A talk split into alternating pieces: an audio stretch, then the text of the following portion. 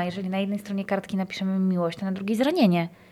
I nie rozerwiesz tej jednej kartki. Żone ci, którzy wiedzą o nas najwięcej, którzy są najbliżej, mogą też nas Mogą bardzo być- mocno zranić. Ja mogę nawet być zła na tych moich rodziców, że oni jakoś tego nie zaopiekowali, ale mogę też mieć do siebie taką część samowspółczującą. Jak patrzę na tą Asię lat 13, której nikt tam nie pytał za bardzo, a jak ty się dziecko czujesz, nie? To, to mi jest szkoda tej trzynastolatki. Ja się nią chcę zaopiekować. Ona jest we mnie, ona, ona się uruchamia w różnych e, momentach wyzwań, czy takich weryfikacji, czy ty sobie poradzisz, czy to będzie dobra ocena.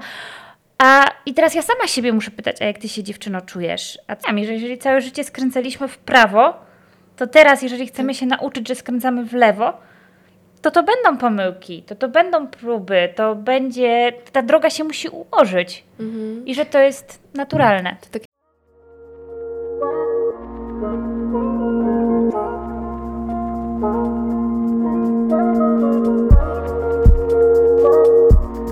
Cześć, z tej strony Agnieszka Dziekan, to jest podcast Studnia bez dna. Rozpoczynamy oficjalnie odcinek 32. Usadź się dobrze w swoim fotelu albo osadź się w tym, co właśnie robisz, płyny w dłoń i lecimy. Super, że jesteś. Czołem brygado, mam nadzieję, że czujecie się dziś dobrze. Ja ostatni tydzień miałam naprawdę trudny chorobowo, ale staję na nogi i przychodzę do Was z kolejnym odcinkiem.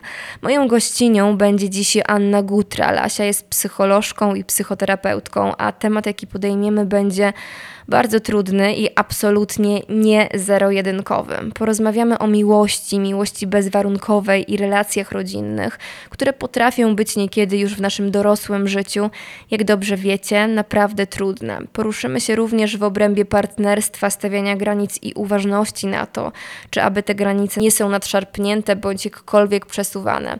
Kiedy szeroko pojęta relacja ma przyszłość i jak ułożyć sobie w głowie fakt, że wspólnej przyszłości no po prostu może nie mieć. Rozmowa z Joanną Gutral już teraz. Dobrego odsłuchu. Dym, dym, dym, dym. Cześć. Cześć.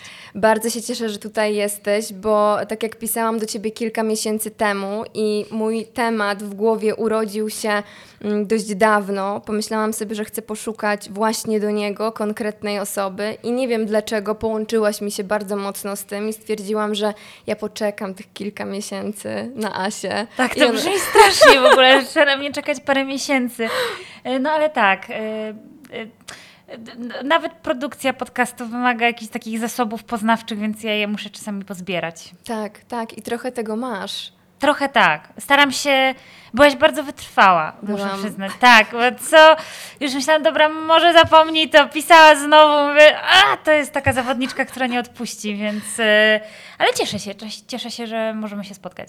Tak, zwłaszcza, że e, ten temat mm, wydaje mi się bardzo trudnym tematem. Mam nadzieję, że za chwilkę wyprowadzisz mnie z mojej bańki informacyjnej, a jeżeli to nie jest bańka, to też będzie bardzo ciekawe, czy faktycznie jest tak, że wraz z tym naszym samorozwojem i wchodzeniem tam głęboko w swoje meandry, mm, przechodzimy coraz większy kryzys, jeżeli chodzi o nasze relacje rodzinne. To zależy. Ja odpowiem jak każdy psycholog, bo e, to może się z tym wiązać, nie musi i tak naprawdę w ogóle we wszelakich relacjach bliskich, czy to rodzinnych, czy przyjacielskich, czy romantycznych, jest bardzo wiele czynników, e, które e, ze sobą współwystępują, które na siebie wpływają i które mogą owocować różnymi stanami, zjawiskami, sytuacjami, zachowaniami, więc e, Trudno będzie znaleźć taki jeden wspólny mianownik e, dla wszystkich, albo jeden wspólny wzorzec. No faktycznie im więcej, im, im bardziej, im głębiej tam gdzieś siebie poznajemy i uczymy się rozpoznawać e, swoje potrzeby i, i, i jakoś łączyć różne doświadczenia z zachowaniami, no tym e, bardziej jesteśmy ich świadomi, tym bardziej mogą one wpływać na to, jak jesteśmy z innymi ludźmi. Tylko ja myślę, że my się relacji z drugim konkretnym człowiekiem trochę uczymy. I e, sposób, w jaki komunikujemy to, co się w nas zmienia i co w nas zachodzi, może tej osobie e, pomóc nas e, zrozumieć. E, no i mm, podobno, po, po, podobnie jak my próbujemy jakoś wyznaczyć swoje granice, tak e, osoby, z którymi byliśmy e, albo jesteśmy w relacji, e, mogą być zdziwione, mogą nie wiedzieć, co takiego się dzieje mogą jakoś też interpretować przecież to, co się dzieje przez siebie. Każdy z nas ma jakiś taki egotyzm atrybucyjny, spogląda na świat z perspektywy sprawcy. Tak. tak? Ja jestem sprawcą zdarzeń, tego, co się dzieje, um, natomiast y, dla in innych obserwuję, więc ja mogę, mi się może wydawać, że to może przeze mnie ktoś się zachowuje w taki, a nie inny sposób, albo coś się złego dzieje w relacji, że ktoś na przykład zaczął stawiać mi e, granice, albo ja w ogóle nie rozumiem, o czym są te granice. Więc tam się może dziać bardzo dużo różnych wydarzeń i one czasami mogą zbliżać, a czasami mogą oddalać w tej relacji.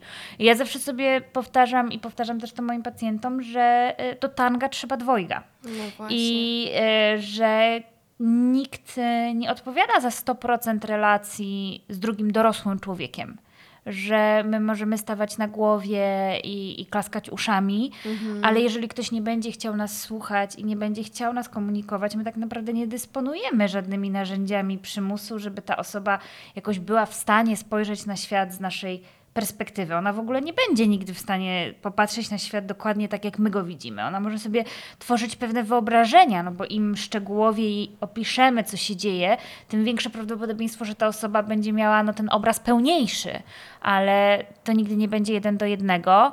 E, no i my możemy szukać jakichś płaszczyzn porozumienia, jakichś kompromisów, ale e, to nie jest łatwa droga i myślę sobie, że niezależnie od tego, czy, czy zaglądamy w siebie, jak głęboko, co rozumiemy pod pojęciem samorozwój, no bo to też jest y, takie y, pojęcie, które może się mocno wypaczać. Ja w ogóle też nie zawsze jestem fanką dążenia do samorozwoju mhm. za wszelką cenę. Może bardziej zrozumienia tego, jak działa nasza głowa, jak my działamy. I ja myślę sobie, że my jesteśmy jedyną osobą, y, z którą będziemy tak na pewno do końca życia i, i że warto tę osobę poznać i zrozumieć. Y, to nie oznacza, że jakoś muszę sobie mm, fundować jakieś takie new age'owe, duchowe praktyki, ale żeby przynajmniej jakoś y, ogarniać, mhm. o co mi chodzi, czego chcę, czego potrzebuję, żeby co jakiś czas robić taki reality check, zatrzymanie,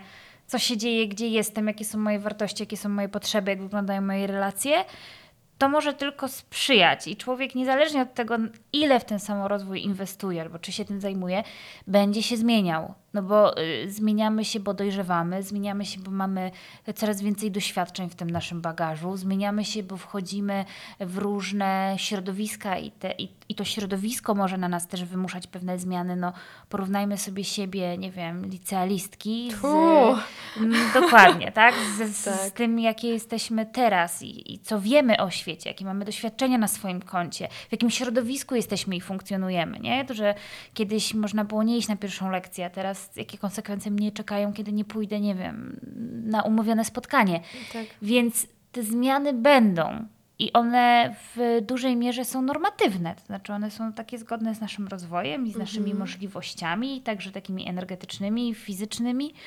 E, ale zawsze można trochę tam w sobie podłubać, pogrzebać i, i próbować zrozumieć różne wzorce swojego zachowania. No właśnie, zaczynasz e, rozumieć wzorce swojego zachowania, grzebać i myśleć sobie, że mm, skoro ja to rozumiem, to spróbuję te swoje relacje usprawnić i polepszyć. Mhm. I wracam do tych najważniejszych relacji, no bo zawsze się mówiło, że rodzina jest najważniejsza i mamy to wpojone.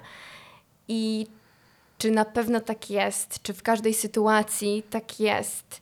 Kiedy wychodzisz nagle do rodziców i zaczynasz im opowiadać o tym, co ciebie boli, jak widziałeś pewne sytuacje, próbujesz oczyszczać coś, co waży bardzo mocno w waszej relacji, a druga strona absolutnie tego nie przyjmuje, nawet tak jak mówisz, w momencie, w którym ty próbujesz tłumaczyć to jak najmocniej, mhm. jak najlepiej, ale tam jest opór, tam jest duże niezrozumienie i zaczynają się robić tak duże schody, że zaczynasz zadawać sobie pytanie, jakby ile jeszcze, ile próbować. Hmm. Gdzie tu jest ta granica tego, że odpuszczam i co, i nie będziemy mieli kontaktu, czy będę walczyć? Ona będzie dla każdego gdzie indziej. mm, nie będzie takiej jednej granicy i nie podam na nią przepisu. Jest taki cytat, y, y, który ja przeczytałam w książce Irwina Jaloma, amerykańskiego psychiatry. Mówię o nim w kółko, też mam go wydrukowanego w domu, że prędzej czy później musisz pogodzić się z brakiem nadziei na lepszą przeszłość. Um, że możesz sobie uświadomić pewne rzeczy, które miały miejsce, które, które się wydarzyły. I oczywiście te rzeczy mogą mieć bardzo różny kaliber. Mhm. Um, ale ja nie mam mocy zrobić niczego, co mogłoby zmienić bieg mojej przeszłości. Mhm. I owszem, mogę sobie uświadomić różnego rodzaju trudności, że coś było nie fair. I to też jest często taka praktyka, którą stosujemy w terapii, że kiedy pacjent opowiadał o jakimś cierpieniu mm, w dzieciństwie czy w jakichś wczesnych latach, E, poczuciu jakiegoś osamotnienia, niezaopiekowania, to, mhm. to jest taki kawałek, który należy uważnić, bo być może tam wtedy zabrakło dorosłego, który by się pochylił nad tym młodym człowiekiem, albo sam przeżywał coś trudnego i nie zobaczył, że gdzieś tam jeszcze jest młody człowiek, który też jakoś sobie z tym nie radzi. Um, tylko co nam to da i co nam to zmieni, że my to wyrazimy naszym rodzicom. Nie? To znaczy, ja mogę powiedzieć, słuchaj, mamo, no mam takie poczucie, że jakoś bardzo dbałaś o to, żebym, nie wiem, miała dobre oceny w szkole i to było dla ciebie ważne, mm, ale, ale mam takie poczucie, że trochę nikogo nie interesowało, co ja czuję, czy ja się, nie wiem, czymś przejmuję, stresuję, że taka się czułam niezaopiekowana. Um, no i ta i jeżeli, mówi, słucham? E, no i właśnie. I wtedy to jest taki komunikat trochę, który rodzic może odebrać, ja zrobiłam coś nie tak. Tak. I trochę jakbyśmy spróbowali stanąć w butach tego rodzica. Myślę, że jeżeli zapytalibyśmy któregokolwiek rodzica, czy pan, pani chciała celowo źle za swojego dziecka, to oni odpowiedzą e, nie. E, I tam będzie jakaś własna historia mhm. tego, co się działo w tle, że nie wiem, pracowałam i wychowywałam trójkę dzieci e, i nie wystarczało mi doby że tam było jakieś trudności finansowe i robiłam wszystko, żeby moje dzieci miały godne życie. Albo kompensowałam coś, czego sama nie miałam w dzieciństwie. Na przykład tego, że moi rodzice się nie przejmowali w ogóle, jak będzie wyglądała moja przyszłość, jak ja będę miała ocenę. Ja chciałam tymi ocenami sprawić, żeby moje dzieci miały godne życie, żeby nie musiały tak ciężko pracować jak ja. I to są takie różne perspektywy, których nie jesteśmy w stanie zderzyć. No bo dziecko nie ma za zadanie myśleć, czy moja mama ma stabilną sytuację finansową albo z czym się zmaga, jak wyglądało jej dzieciństwo. Czasami nie mamy takich zasobów, żeby sobie to wszystko wyobrażać i o tym myśleć. I to też jakby nie zadanie dziecka opiekować rodzica, ale.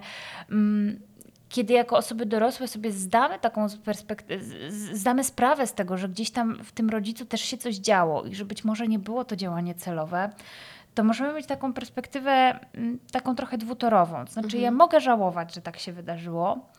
Ja mogę nawet być zła na tych moich rodziców, że oni jakoś tego nie zaopiekowali, ale mogę też mieć do siebie taką część samowspółczującą, że kurde, teraz jako dorosła osoba, jak patrzę na tą Asię lat 13, której nikt tam nie pytał za bardzo, a jak ty się dziecko czujesz, mhm. nie? To, to mi jest szkoda tej trzynastolatki. Ja się nią chcę zaopiekować. Bo ona nie w tobie tym rodzicom. Jest wciąż. Ona jest we mnie, ona, ona się uruchamia w różnych e, momentach wyzwań, czy takich weryfikacji, czy ty sobie poradzisz, czy to będzie dobra ocena. A i teraz ja sama siebie muszę pytać, a jak ty się dziewczyno czujesz? A co, czego ty się boisz? I, mm, i ja sobie myślę, że to nie chodzi o to, żeby się z rodzicem rozprawić, żeby go. On też nie, on też nie nadrobi tego, no bo co nam mhm. zmieni to, że on powie, tak masz rację, spieprzyłam sprawę. Jestem beznadziejna. Jestem beznadziejna, albo 10 lat temu byłam beznadziejnym rodzicem. Mm, to nie zmieni naszych wydarzeń. Być może będzie to uważniające dla tego doświadczenia i to jest super, jeżeli rodzic jest zdolny do takiej autorefleksji. Ale nie każdy będzie i niektórzy będą potrzebowali czasu, żeby właśnie zmienić tą perspektywę, że to nie jest zarzut, że to nie jest pretensja. To też dużo zależy od formy, w jakiej to komunikujemy, bo wy mnie mhm. nigdy nie kochaliście, wy zawsze tylko, nie wiem, moją siostrę, brata, a ja byłam na szarym końcu. No to, to, to jest pewnego rodzaju atak. Ja go też rozumiem. Nie?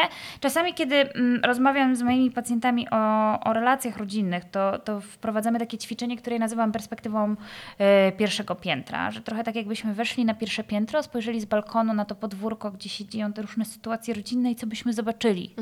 E, trochę po to, żeby nie patrzeć na ten świat tylko swoimi oczami i tylko właśnie z tej perspektywy sprawcy, ale zobaczyć, jak wyglądało życie mojej mamy, mojego taty, e, mojego rodzeństwa w tamtej chwili, co się działo w naszej rodzinie i że być może to nie było do końca tak, że ci rodzice jakoś się uparli, że nie będą się mną zajmować i będą mi to robić specjalnie, tylko że tak się potoczyło życie. I teraz Też nie potrafili inaczej.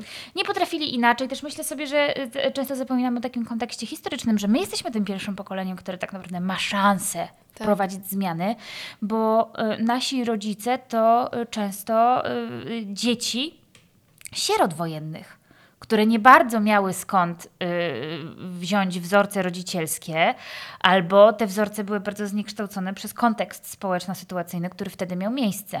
Że potem nasi e, rodzice to też dzieci transformacji.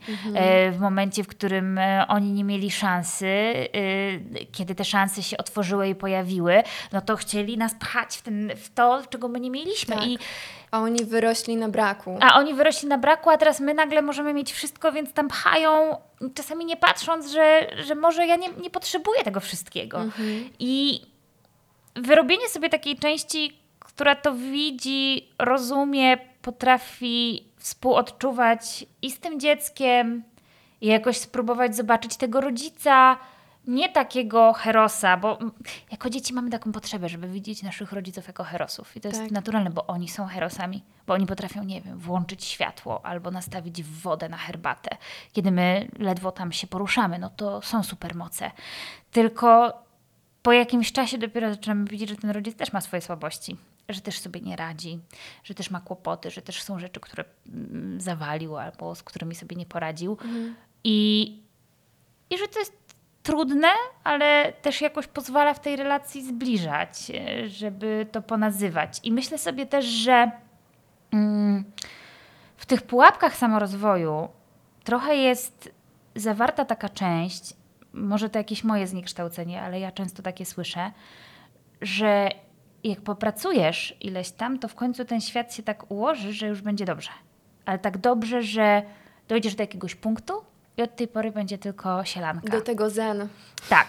Ja też uwielbiam to. E, że to tak jak w bajkach Disneya. Dzieje się dzieje, przygody, perypetie, a potem żyli długo i szczęśliwie. E, w życiu tak nie jest. To znaczy nie mamy takiego przepisu, takiego równania, takiego sposobu, który by sprawił, że jak pozałatwiamy, odhaczymy różne punkty, nie wiem, wdrożymy jakieś tam praktyki, coś się wydarzy, to nagle od tej pory będzie tylko super. No tak, możemy tylko wykształcić zdolność do in, innego przeżywania trochę jakiejś sytuacji. Co nie zmienia faktu, że. I tak będzie y, bolało. I tak będzie bolało, no bo jeżeli odchodzi nam ktoś bliski, to czujemy smutek Tak. i żal i ból. I to jest naturalna reakcja organizmu. I też często to powtarzam, kiedy pojawia się pacjent w gabinecie i mówi, że nie wiem, e, w pracy mu się nie układa, mm, relacja bliska właśnie się rozpadła i tak w ogóle trochę nie wiadomo, czego chcę w życiu, jestem smutna, proszę mi to zabrać to ja zawsze tłumaczę, że to jest naturalna reakcja organizmu na to, co się dzieje, że tego nie można zabrać, bo smutek i w ogóle emocje pełnią rolę informacyjną. One nas informują o tym, co się dzieje. I jeżeli my byśmy sobie te emocje chcieli zabrać, to tracimy bardzo dużą porcję bardzo ważnych informacji, także takich, które pozwalają nam y, przetrwać. No tak. Więc y, ja bym nie życzyła nikomu, żeby, y, żeby emocje zabrać. Też jeżeli jakoś próbujemy się tak emocjonalnie wymrozić, to wymrażamy wszystko. Zarówno radość, jak i smutek, jak i wszystko. Nie ma takich półprzepuszczalnych Wegetacja. środków.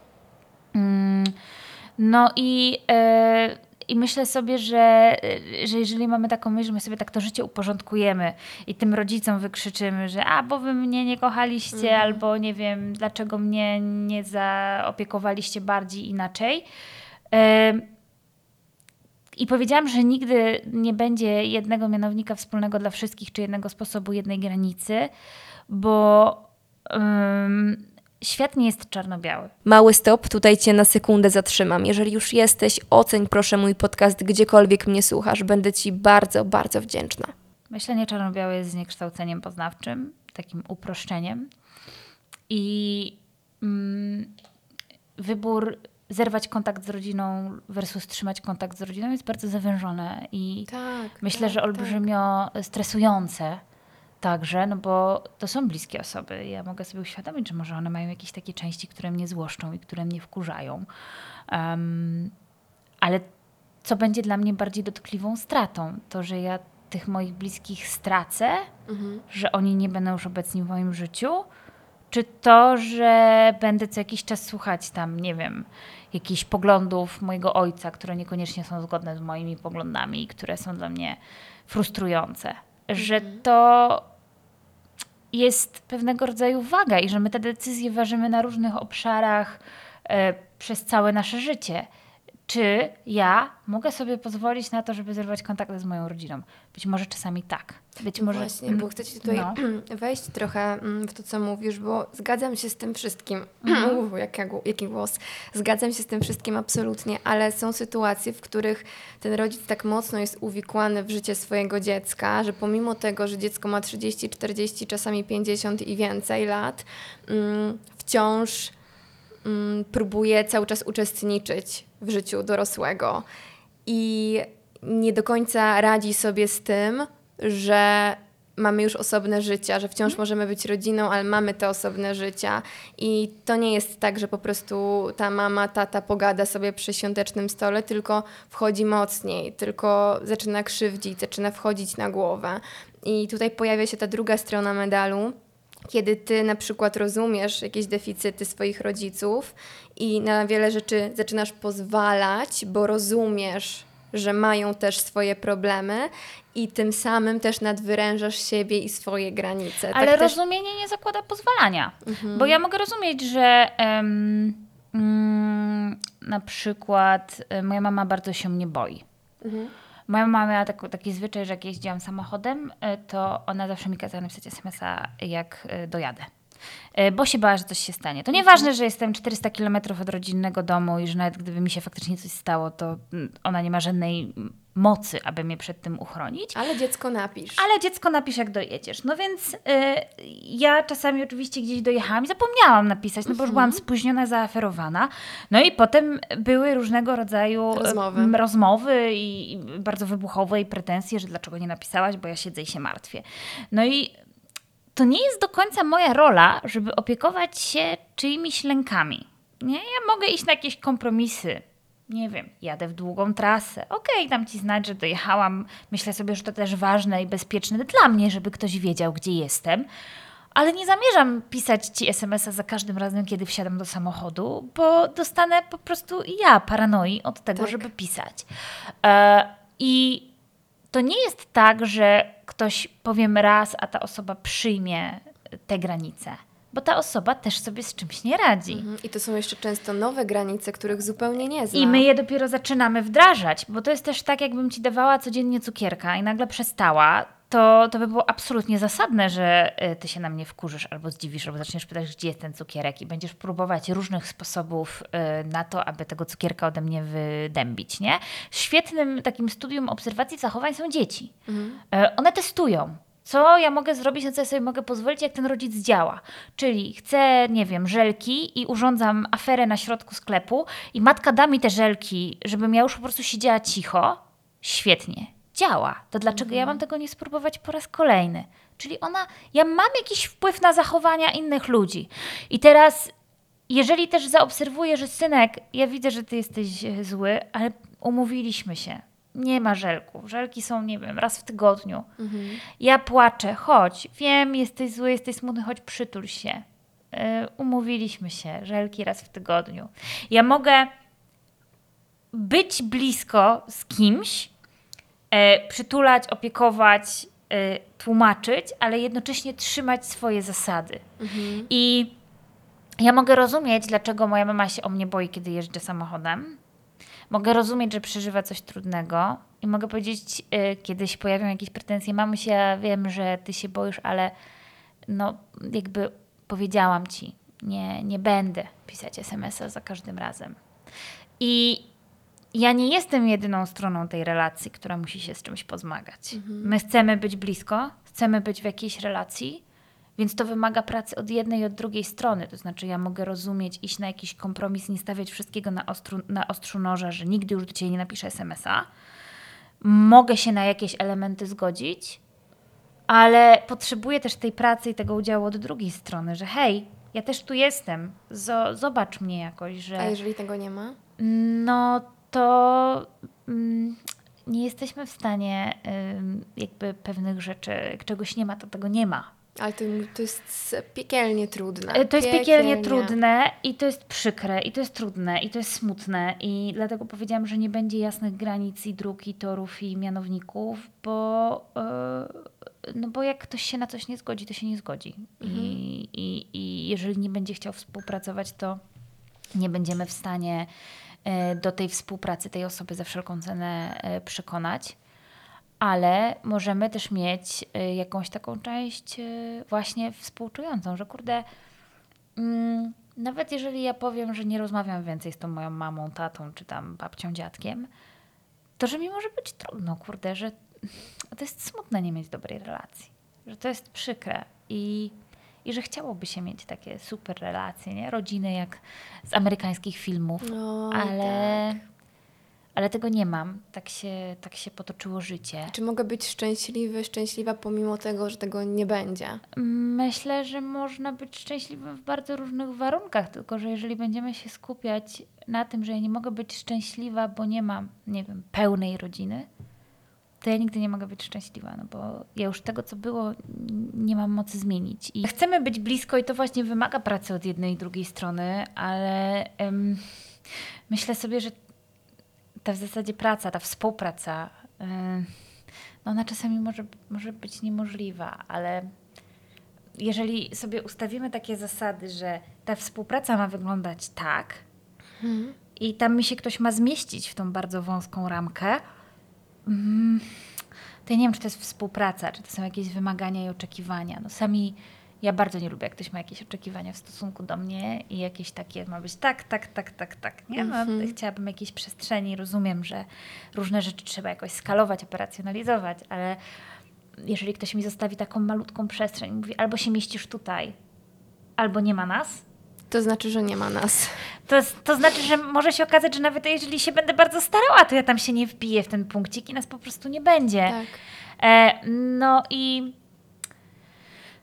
ja sobie myślę tak, że mieliśmy właśnie y, takie przykazania, że tam najważniejsza jest rodzina. No Czci ojca swego i matkę swoją. I, i to, było też, to była też treść mojej wiadomości do ciebie właśnie, o, że o tym chciałam pogadać. Najważniejsza rodzina. Że to mamy wpojone tak mocno w głowie i czasami jest to trudne do przeskoczenia, bo życie, tak jak mówisz, nie jest czarno-białe. I czy ona zawsze jest najważniejsza? Czasami dzieją się mm. rzeczy takie sytuacje, w których no trzeba tutaj przemyśleć to. No i ja sobie myślę, że to trochę zależy też od tego, jak tą rodzinę zdefiniujemy. Mm. Nie? No bo oczywiście, że mamy rodzinę, z którą mamy, nie wiem, jakieś biologiczne więzy krwi. No ale mamy także taką rodzinę z wyboru, przyjaciół rozumianych jako po prostu bliski nam krąg osób. Tak.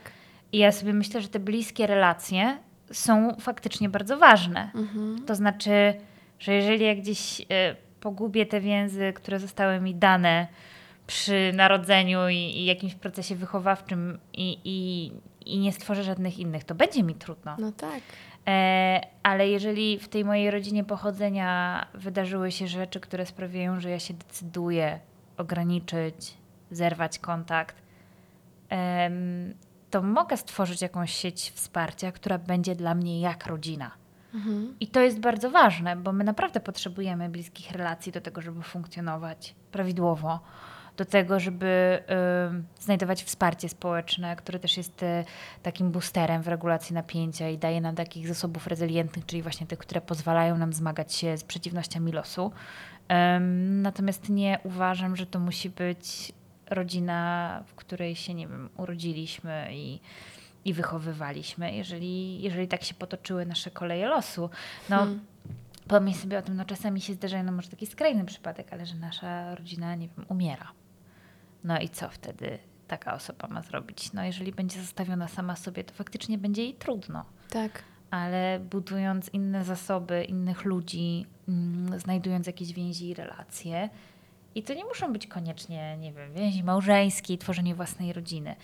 To jest, to mają być takie relacje, w których my się czujemy bezpiecznie, swobodnie, spontanicznie, mm, bo to też są takie potrzeby, które możemy w tej rodzinie realizować. W tych bliskich relacjach to jest jakby kuszące, interesujące i bardzo wspierające, mhm. że jak my tak stoimy blisko siebie, mm, to ja widzę wszystko. Nie? W sensie widzę to, co ładne, piękne, cenne, ale widzę też to, co trudne. E, wiem, gdzie są blizny, gdzie są rany.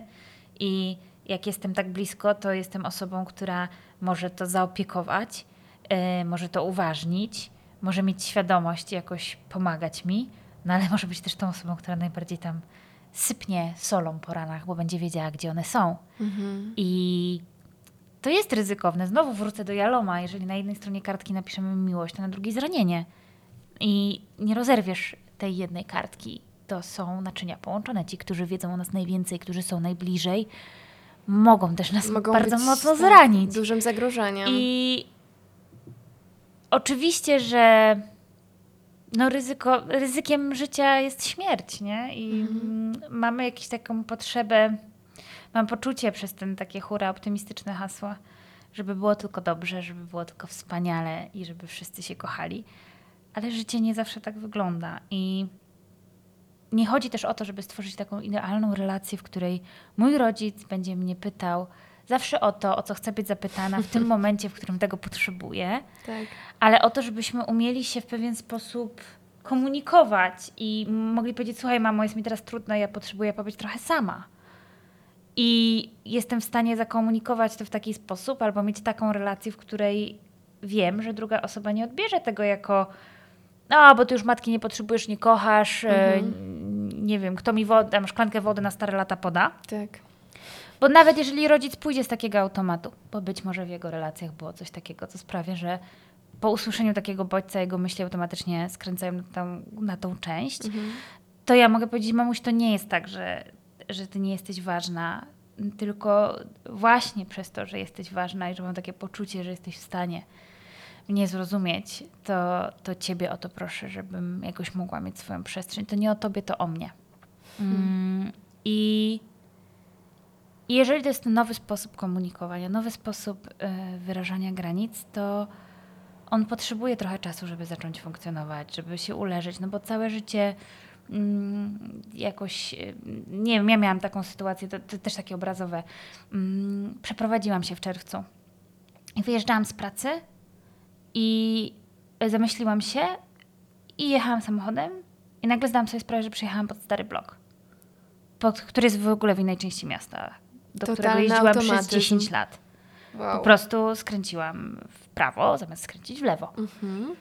I wtedy sobie pomyślałam, no tak, no bo to jest nowa ścieżka i pojechałam jakimś automatem, o czymś sobie tam myślałam i będę musiała się przyzwyczaić i włożyć trochę więcej wysiłku, że hej, teraz mieszkasz tam. W lewo, nie w prawo. Teraz w lewo mieszkasz, nie w prawo. I że teraz twoja droga do domu to jest w lewo. I myślę sobie, że podobnie jest z naszymi relacjami i zachowaniami, że jeżeli całe życie skręcaliśmy w prawo, to teraz, jeżeli chcemy się nauczyć, że skręcamy w lewo, to to będą pomyłki, to to będą próby, to będzie, ta droga się musi ułożyć mhm. i że to jest naturalne. To tak jak ja ostatnio w swojej terapii powiedziałam do mojej terapeutki, ile to jeszcze będzie trwało? Już rok się spotykamy i, no i mam wrażenie, że wciąż po prostu kręcę się wokół jednego tematu. I ona właśnie zadała mi to pytanie, ile ty masz lat? 28. No właśnie. Więc rok w skali tych 28 lat, to naprawdę jeszcze nie jest dużo. Tak, no też często mamy takie fantazje, że właśnie ja sobie tak wezmę to życie, ułożę, rozpiszę, rozrysuję i już będzie działało. Tak. A przecież te czynniki ciągle się zmieniają i dochodzą i odchodzą, ale ja sobie myślę, że taka umiejętność zrozumienia. Ja też wiem, że samo współczucie się w social mediach wyprało, dlatego nie ma innego słowa, będę jakby nazywać to samo współczuciem. Yy, zobaczyć siebie, że kurde, mam 28 lat, jestem w terapii, 27 lat robiłam coś jakoś, teraz próbuję to zmienić. E, przy wschodniej granicy jest wojna, szaleje inflacja, generalnie moja sytuacja życiowa wygląda jakoś, dużo dziewczyno robisz. I jesteś w takim momencie, w którym dużo się dzieje. I że to jest ok, jeżeli jesteś, nie wiem, zmęczona, przebodźcowana, że nie włączanie w sobie tego krytyka, który mówi, a co ty, ty to inni mają gorzej, to ty, co mają powiedzieć, nie wiem, dzieci z Afryki, tak naprawdę niczego nie zmienia w twojej sytuacji. Że spojrzeć na siebie tym życzliwym okiem, to trudna sztuka, ale też bardzo pomocna, bo ta, ta, to życzliwe oko nie zwalnia i nie mówi dobrze, to, To nie dzwoń do nikogo, rób. połóż się na kanapie, zjedz lody i sobie poleż. Nie, nie, nie. To współczujące, życzliwe oko może powiedzieć, dobra, no widzę, że jest ci trudno, masz dzisiaj poplanowane jakieś rzeczy, zastanów się, które z nich możesz przełożyć, odłożyć, yy, może nie możesz żadnych, okej, dobra, to na weekend nic nie planuj, weź się dziewczyno, wyśpij, zaopiekuj się sobą, nie wiem, zastanów się, co by było dla ciebie dobre. Yy, więc to nie jest takie pobłaż- pobłażliwe yy, oko, ale raczej takie, które widzi ciebie w takiej sytuacji, jakiej jesteś. I teraz to samo spojrzenie możemy wykorzystać na e, patrzenie na bliskie nam osoby. Że w, jakiej, w jakiej sytuacji ja widzę tego mojego rodzica? E, co się musi dziać w jego wewnętrznym świecie, że on jest taki, a nie inny. I to ponownie nie oznacza, że ja tego rodzica usprawiedliwiam, e, albo że ja mu wybaczam, że on się zachowuje w taki, a nie inny sposób. Ja mogę to rozumieć i to ze mnie trochę zdejmuje napięcie, e, mm, jakieś emocje, które się generują. Nie mówię, że do zera, ale trochę łatwiej jest nam to przeżywać. Okej. E, Wcześniej mówiłaś o mm, miłości rodzicielskiej i nie tylko. Mm, Ja od jakiegoś czasu też e, bardzo mocno rozkminiam, rozkminiam temat miłości bezwarunkowej i tego, czy mm, ona faktycznie istnieje. Jeżeli pytasz mnie o badania, to akurat nie znam żadnych chyba, e, albo nie mogę sobie ich na ten moment przypomnieć. A jak ty to czujesz? E, na przykład mam takie poczucie, jak powiedziałaś miłość bezwarunkowa, że ja No. bezwarunkowo kocham mojego psa. Okej, okej. No, absolutnie ta istota nie jest w stanie zrobić czegokolwiek, żebym ja ją, jej przestała kochać. A nawet jak mnie wkurza do, do czerwoności, yy, to, to mam takie poczucie, że ja ją kocham. I, I dla mnie to jest taka część miłości bezwarunkowej, że ja cię kocham, jak jest, y, jak jest y, źle i jak jest dobrze. Czyli w ogóle jest sens jakkolwiek rozdzielać miłość i miłość bezwarunkową? Czyli miłość na przykład w rodzinie, a miłość w nowej relacji? Bo ja sobie myślę, że to trochę zależy, co my rozumiemy przez miłość bezwarunkową, że dla mnie miłość bezwarunkowa jest wtedy, kiedy ja cię kocham w każdej twojej odsłonie. Ale nie oznacza to dla mnie, że cię będę kochać na zawsze. A bezwarunkowość polega właśnie na tym, że niezależnie od warunków i okoliczności. Myślę sobie, że w bliskiej relacji, nie wiem, no kocham mojego męża, No. bezwarunkowo. To jest osoba, która potrafi sprawić, że śmieje się najgłośniej na świecie, ale potrafi też sprawić, że jestem najbardziej wkurzona na świecie. Um, kocham w jednej i w drugiej odsłonie. E, natomiast ja nie wiem, czy w życiu kiedyś nie wydarzą się takie sytuacje, w których e, coś sprawi, że nie będziemy, nie wiem, razem. Wolałabym o tym nie myśleć w ten sposób, ale jakby nie mogę niczego założyć, nie mogę No mieć tak. żadnej pewności. Ja mogę tylko pracować nad relacją, żeby zmniejszać prawdopodobieństwo, że ona się rozpadnie. Ale takiej pewności na 100% nie będę miała nigdy. No bo właśnie to jest w tej bliskości, że my jesteśmy blisko, ale tam jest pewna przestrzeń. Y, Bo jak się tak skleimy razem, to będzie fuzja, to my się stajemy jednością i to jest bardzo ryzykowne, bo jeżeli ta osoba, y, nie wiem, odpukać, umrze, to ja trochę umieram razem z nią. Ale jeżeli zostaje ta przestrzeń, w której jest zachowana autonomia i to, że jesteśmy razem, ale każdy z nas zachowuje swoją podmiotowość, to mogą zdarzyć się tam bardzo trudne rzeczy, ale też bardzo piękne. Że jesteśmy w stanie funkcjonować bez siebie. Ja bym nie chciała myśleć s- sobie o tym, że beze mnie mój partner nie istnieje. Albo beze mnie ktoś nie istnieje. Jaka to jest to jest ogóle- strasznie obciążające. Ale ciebie, jakie to jest obciążające. Tak, i też, ogromnie. i też y, no jakby dajesz takiej 100% y, y, reliability, takie, No. takiego y, za, zaufania, nawet nie zaufania, y, takiej, takiej pewności tego funkcjonowania na kogoś. I myślę sobie, że to jest po pierwsze nie w porządku w stosunku do tej osoby. Ja bym nie chciała ciągnąć na plecach swojej relacji, e, a raczej, że jesteśmy dwoma podmiotami, które e, ze sobą e, współpracują, są bardzo blisko. No i właśnie to są te, te miejsca, o których mówiłam, że ktoś może wiedzieć, gdzie boli i, i na to uważać, i to opiekować, no ale też będzie wiedział, gdzie sypnąć soli, jak przyjdzie co do czego.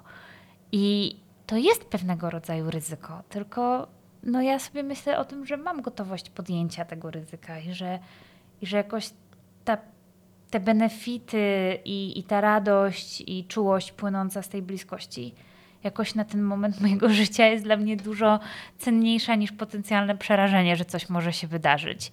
Bo zawsze się coś może wydarzyć. No to jest otwierające bardzo mocno. No ale myślę sobie też, że możemy kochać kogoś, z kim się nie zgadzamy. Możemy kochać e, i tęsknić za relacją, której nigdy nie było. No o, to też jest gruby temat. Przecież tak. ja mogłam, nie wiem, nie poznać kogoś nie wiem, z moich bliskich, z moich rodziców e, i z różnych powodów i, i tęsknić po tym, że nie mam, nie wiem, taty, mamy, Mhm. że nie mam takich wspomnień, w których, nie wiem, tata uczy mnie jeździć na rowerze, że są takie kawałki, które się nie wydarzyły, A za I ja którymi mogę- tak tęsknicie. a za którymi tęsknimy. E, Podobnie no, mogę, mieć w jakiejś blis- mogę być w jakiejś bliskiej relacji, która się kończy z jakiegoś powodu. I ja w dalszym ciągu mogę tęsknić po tym, co było dobre w tej relacji i mieć dobre wspomnienia z jakichś wydarzeń, nawet jeżeli podjęłam decyzję o końcu. To jest trochę tak, że człowiek może mm, przetwarzać na wielu różnych poziomach. Może rozumieć, dlaczego coś się skończyło, dlaczego coś się wydarzyło, ale te emocje w dalszym ciągu mogą przepływać, więc Mhm. y, jest, jest takie powiedzenie, moja, moja babcia często tak mówi i ja mam takie, taką myśl, że, że to jest taka dobra em, metafora ludzkiego funkcjonowania, że kawa nie wyklucza herbaty. I jakby smutek nie wyklucza tęsknoty, nie wiem, złość nie wyklucza miłości. Mhm. No bo gdybyśmy przeżywali świat, że jeżeli ty mnie złościsz, to ja cię już nie kocham, to nie wiem, to chyba wszyscy by się w ogóle nie połączyli w pary. No żadna para nie miałaby funkcjonować. No oczywiście, że ktoś z kim żyjemy będzie nas wkurzał. No tak. Co jakiś czas. No, no nie znam takiej relacji, która by się na siebie nie wkurzała. Byłoby to co najmniej dziwne. I że ta złość to jest informacja o naruszonych granicach. Jeżeli ktoś mi nadeptuje w miejsce, które boli, to ja się będę złościć. I to jest sygnał: hej, tutaj jest coś o granicach. Tak. Tutaj trzeba zaprowadzić jakiś taki porządek, jakoś spróbować się dogadać, że słuchaj, y, tutaj przebiega właśnie jakaś granica moja, która jest o czymś. Jak ty robisz tak, to mi się robi tak. Co z tym zrobimy? To nie oznacza, że on ma przestać tak robić, albo ja mam przestać jakoś robić, bo my możemy wspólnie się zastanowić, trochę tak jakbyśmy mieli grządki w ogródku kopać, to jak? To jak my je chcemy wykopać? I jasne, że ja czasami coś spieprzę, bo, bo polecę starym schematem i właśnie skręcę w prawo, i on czasem coś spieprzy, bo skręci w prawo, ale i, i się wkurzymy na siebie. No ale gdzieś na horyzoncie mamy ten azymut, że dobra, ale od teraz chcemy skręcać w lewo, więc próbujemy.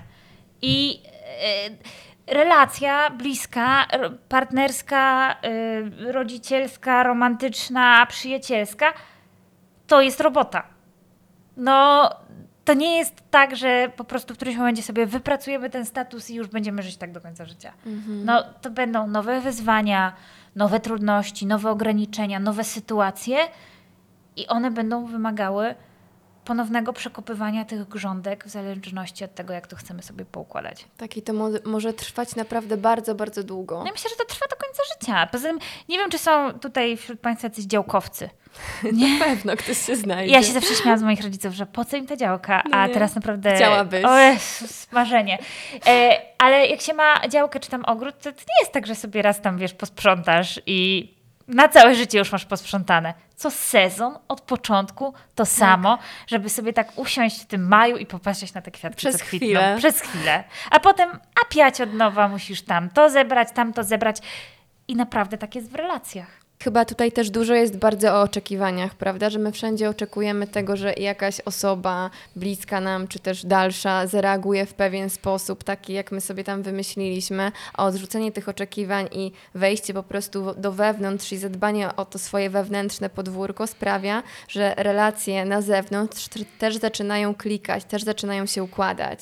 No, to nie jest też tak, że my się całkiem jakichś standardów czy, czy oczekiwań mamy pozbyć, no bo będziemy wiedzieć, co jest dla mnie ważne, co jest dla mnie potrzebne, ale hmm, jeżeli będę miała takie oczekiwania właśnie, że ten mój partner, to on zawsze musi być takim herosem. I jak ja mam zły nastrój, to on musi być w dobrym nastroju, żeby tutaj jakoś mnie dźwigać. Albo jak ja sobie nie radzę i nie wiem, co mam zrobić, to on już musi sobie radzić i wiedzieć, co mam zrobić.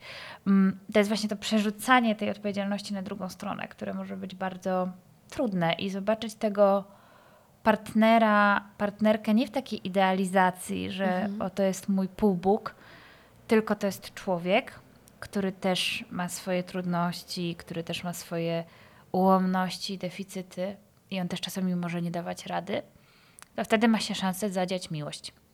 Hmm. Czyli to jest o takim pełnym akcepcie na to, że nie zawsze będzie kolorowo. Mm, no nie wiem, no ja mam wrażenie, że to kolorowo to są jakieś momenty. No. Że jest taka, wiesz, tęcza i brokat. To są takie momenciki.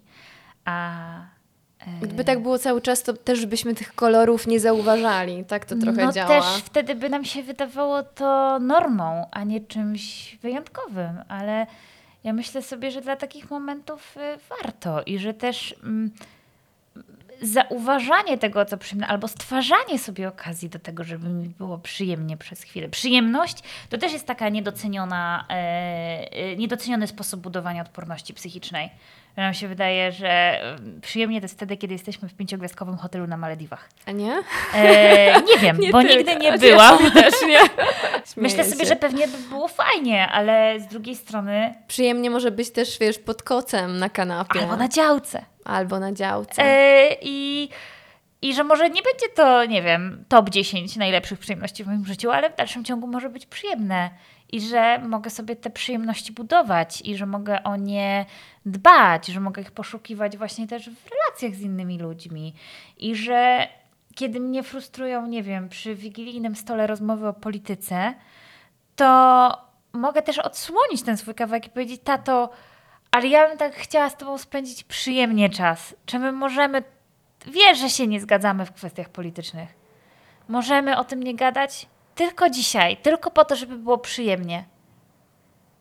I może ten tata, mama, ktokolwiek usłyszy, że okej, okay, to ktoś chce ze mną pobyć. Mhm. Czy ja jestem w stanie na chwilę jakoś odłożyć różne rzeczy bieżące, nawet jeżeli są dla mnie ważne, obok tak. żeby pobyć w relacji. Bo wydaje mi się, że jak rozmawiamy z tymi rodzicami i kiedyś te rozmowy nie były szczere i otwarte i zaczynamy robić właśnie te kroki ku temu, żeby zmieniać to i żeby otwierać tą naszą komunikację, mm, to nawet jeżeli mówimy coś, co może poruszyć tą drugą osobę, to mówienie tych rzeczy tak z środka, z siebie, na spokoju, a nie z emocji, powoduje, że ta druga osoba też je zupełnie inaczej przyjmuje. No i też mówi, mówienie o, te, o tego, co, co we mnie, a nie w tobie. A nie w tobie.